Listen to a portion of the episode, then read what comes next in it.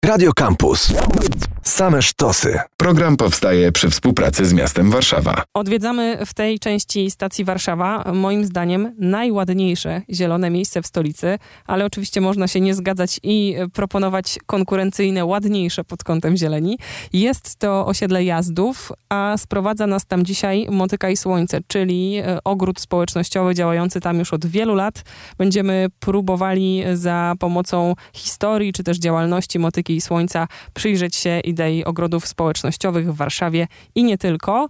Naszą przewodniczką jest Patrycja Drzazga z Pracowni Dóbr Wspólnych. Jesteśmy na Jazdowie, więc y, poza naszym ogrodem społecznościowym, który w tym momencie znajduje się po naszej prawej stronie, to jesteśmy w, w solatorium, czyli, czyli w domku, więc jakby tutaj rozłożenie mamy, do, mamy dość specyficzne, tak? Mamy ogród, y, ogród społecznościowy i można powiedzieć, że domek działkowy y, oraz mamy po prostu też taką, taką wspólną y, część, jest, jest scena, jest miejsce właśnie, gdzie możemy, gdzie możemy spożywać posiłki, a tak bardziej w takiej makroskali to po prostu jesteśmy na osiedlu jazdu, gdzie takich domków jest troszeczkę więcej niż tylko nasz.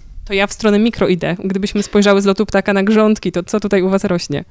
Teraz obecnie mamy e, taki już trochę kończący się sezon na cukinie, więc jakby e, to jest tak, oczywiście największy boom.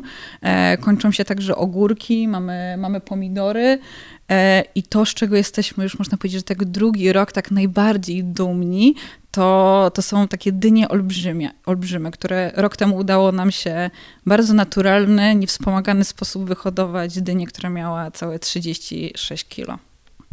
A gdybyśmy się spotkały, nie wiem, w maju, w czerwcu, to co by tu rosło? Sałata, nowaliki? Co, co w tych miesiącach y, poprzednich, letnich zbieraliście?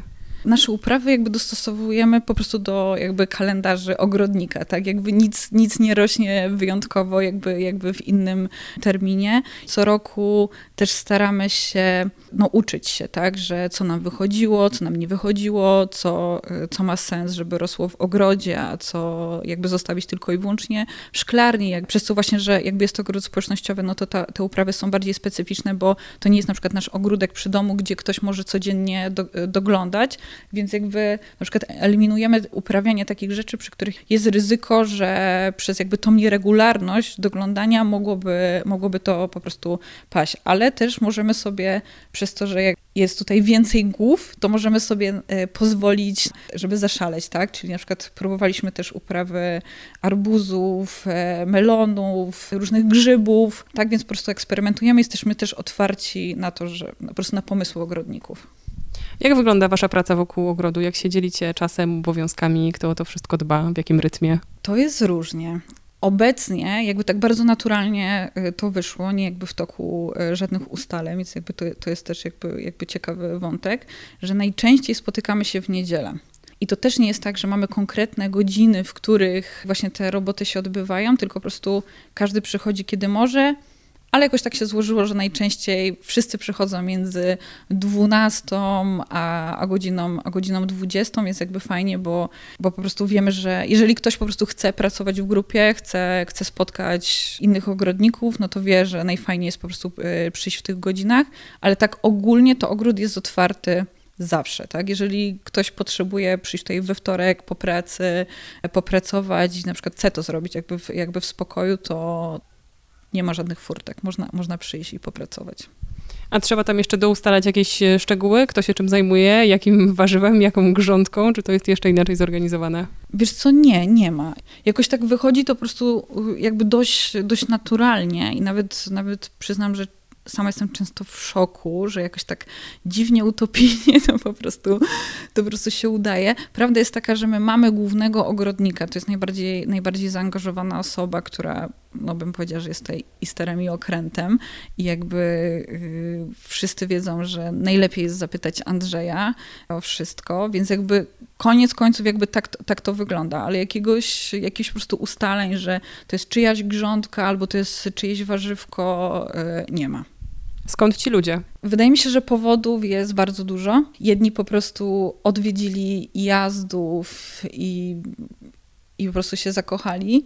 Inni spacerowali tutaj i zastanawiali się, co to jest za miejsce.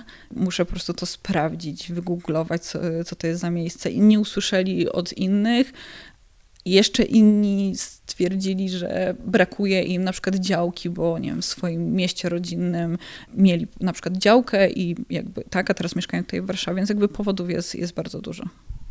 Czy ogrodem społecznościowym, a właściwie tym konkretnym motyką i słońcem rządzą jakieś takie zasady ogrodnicze, nie wiem, podlewania, nawożenia, bądź też nienawożenia, kompostowania? Główną zasadą to jest e, uprawianie warzyw i owoców w, bardzo, w jak najbardziej ekologiczny sposób, tak? Czyli, e, czyli po prostu nie używamy żadnych chemicznych środków ochrony roślin, tak? Więc jakby to jest główna, główna zasada. Czy tych zbiorów y, starcza dla wszystkich? Można myśleć o tym, że żywicie się z motyki słońca, czy to jest taki deserek, dodatek do obiadu niedzielnego? A przyznam, że to jest moje ulubione pytanie, bo, y, bo ja bardzo często słyszę w takich sytuacjach, że ale wam starczy tych wszystkich plonów, wszyscy, wszyscy mogą, y, wszyscy dostają.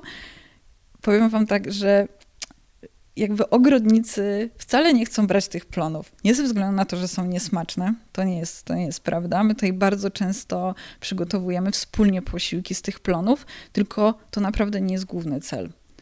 Jakby głównym celem, tak, znaczy oczywiście tak każdy ma inne, ale jakby taki, który ja jakby najbardziej, najbardziej zauważam, to jest to po prostu jednak, żeby popracować w naturce, popracować e, z ludźmi, a te plony są, są bardzo daleko i raczej nie ma w ogóle takich sytuacji, że ktoś coś chciał wziąć, a już ktoś zabrał i, i po prostu tego nie było, tylko raczej w drugą stronę, że hej, pamiętajcie, że możecie to brać, bierzcie to do domu, bo, bo się zmarnuje, więc, więc to w ogóle nie jest problem. I to właśnie była odpowiedź na moje kolejne pytanie, bo zastanawiałam się, jakie dodane wartości, dodatnie wartości, o tak może powiem, z tego ogrodnictwa wynikają, no bo poza plonami, które już rozjaśniłaś, poza tą chęcią kontaktu z ziemią, czy kontaktu z naturą, pracy, może takiej fizycznej, coś jeszcze do tej listy korzyści można dopisać? No ja bym powiedziała, że taką bardzo dużą korzyścią jest jednak właśnie tak, jakby tu już zresztą przed chwilą wymieniłaś także kontakt jakby z naturą, ale też kontakt z drugim człowiekiem, że w jakiś sposób to miejsce przyciąga naprawdę niesamowite osoby i po prostu zawsze jak tutaj jestem, jestem pod wielkim wrażeniem. E, więc jakby tak, ludzie tutaj przychodzą po to, żeby, żeby, być, żeby być z innymi ludźmi i, i spędzać po prostu wspólnie czas. Czy możemy jeszcze wyżej się wznieść, skoro z lotu ptaka patrzyłyśmy na grządki, to teraz z lotu ptaka już na e, całą Warszawę. Chciałam zapytać, czy macie takie połączenia między ogrodami społecznościowymi? Kiedy się spojrzy na mapę, chociażby przygotowaną w ramach programu Bujna Warszawa, to widać, że tych miejsc jest kilkadziesiąt, więc e, wynika z tego jakaś ogromna liczba ludzi i też całkiem spory obszar Warszawy, który właśnie w taki sposób jest zagospodarowany. Znacie się, wymieniacie doświadczeniami? To połączenie na ten moment jest takie dość nieoficjalne, czyli jest tak, że po prostu znamy się i faktycznie wymieniamy, wymieniamy się doświadczeniami. Na przykład właśnie tutaj wcześniej wspomniany nasz główny ogrodnik Andrzej stał się e, takim warszawskim ekspertem od kompostowania, więc tutaj po prostu ktoś, kto otwiera nowy ogród społecznościowy wie, że tutaj na Jezdowie jest taki pan Andrzej i że, e, że po prostu trzeba koniecznie do niego przyjść i, i, o, tym, i o tym porozmawiać albo go zaprosić, więc on to no, bardzo chętnie robi. Tak, no jakby program Bujna Warszawa oczywiście wspiera tak, tak merytorycznie e, jakby zakładanie i prowadzenie ogrodu, jakby to jest świetna inicjatywa. Ale tak, ale tak poza tym to po prostu się znamy. Jeżeli ktoś do nas e, jakby napisze, tak, czy, czy po prostu zagada, tak, bo po prostu znamy się osobiście, że zakłada ogród społecznościowy albo jest jakaś akcja i czy może chcielibyśmy w tym uczestniczyć, no to na ile nam, nie wiem, czas i siły starczy, to chętnie, chętnie to zrobimy. Zdarzało nam się zawozić na przykład sadzonki do, do nowo powstałych ogrodów, albo też po prostu tworzyć razem grządki w, w, inny, w innym ogrodzie, tak, więc jak najbardziej wspieramy. Myślę, że w głowach słuchaczy, słuchaczek może się pojawić taki dylemat, jak odróżnić ogród społecznościowy od dzielonej z kimś działki? Gdzie ta granica przebiega? Wiesz co, dzielonej z kimś działki na pewno różnica jest taka, że ktoś prywatny jest właścicielem i raczej po prostu nie zostawia otwartej furtki i nikt nie może po prostu tam sobie jakby ktoś, kto nie zna tego właściciela wejść, tak?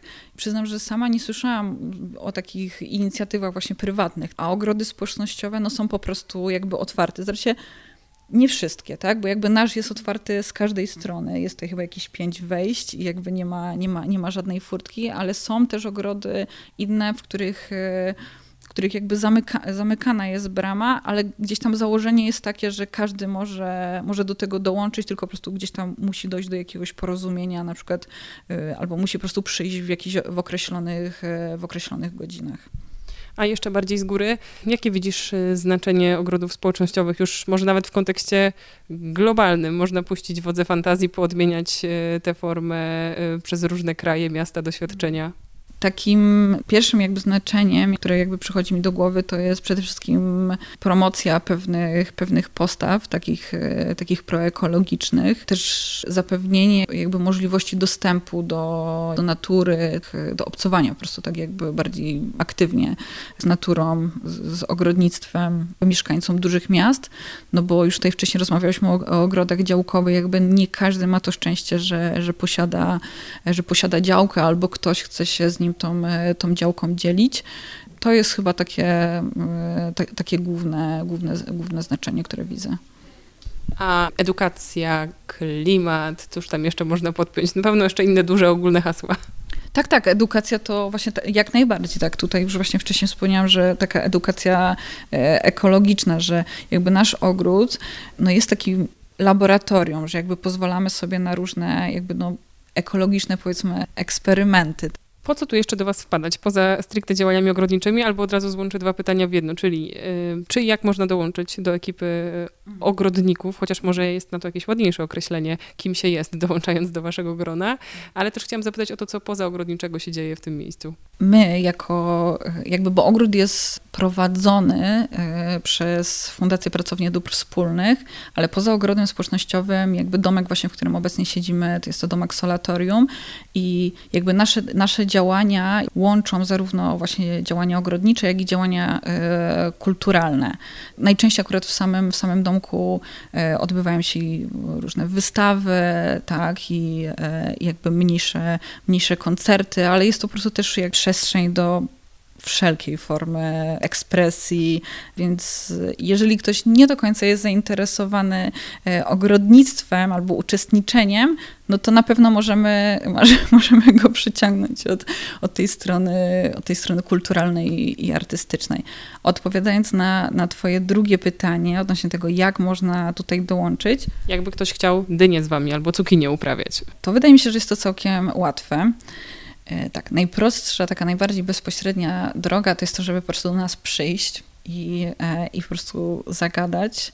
Tak jak powiedziałam, my tutaj furtek, furtek nie mamy, więc jeżeli tylko ktoś tutaj jest i, i grzebie w ziemi, to zapewne jest to odpowiednia osoba, żeby z nami porozmawiać o tym. Też wcześniej wspominałam, że najczęściej spotykamy się, się w niedzielę, więc to jest jeszcze łatwa, łatwiejsza droga, żeby przyjść w niedzielę i po prostu na, od razu do nas, do nas dołączyć, albo przynajmniej, nie wiem, usiąść przy stole z nami i, i jakby zjeść. Wspólnie obiad. Można też po prostu napisać e, do nas na Facebooku. Mamy fanpage Motyka i Słońce. Oczywiście można też na, na Instagramie i konkretnie, konkretnie się z nami e, umówić. Mówiła Patrycja Drzazga z pracowni dóbr wspólnych, która opiekuje się ogrodem Motyka i Słońce i domkiem zwanym Solatorium. Jazdów 3 przez 9 to miejsce dziś odwiedzaliśmy. Jeśli macie ochotę zobaczyć grządki, czy też dołączyć do ogrodniczek i ogrodników, którzy w Motyce i Słońcu uprawiają i wspólnie pracują, to wspomniana lokalizacja na pewno Wam w tym pomoże. Nie ma furtek, nie ma płotów, więc jest to miejsce dosłownie i w przenośni otwarte. Pomyślałam jeszcze, że może macie ochotę dowiedzieć się, skąd wzięły się te drewniane domki w centrum Warszawy. Poświęciliśmy temu tematowi jeden z odcinków audycji Stacja Warszawa. Można go znaleźć i na stronie kampusa, ale też na Spotify'owym kanale Stacja Warszawa, do czego serdecznie zachęcam. Program powstaje przy współpracy z miastem Warszawa. Same sztosy.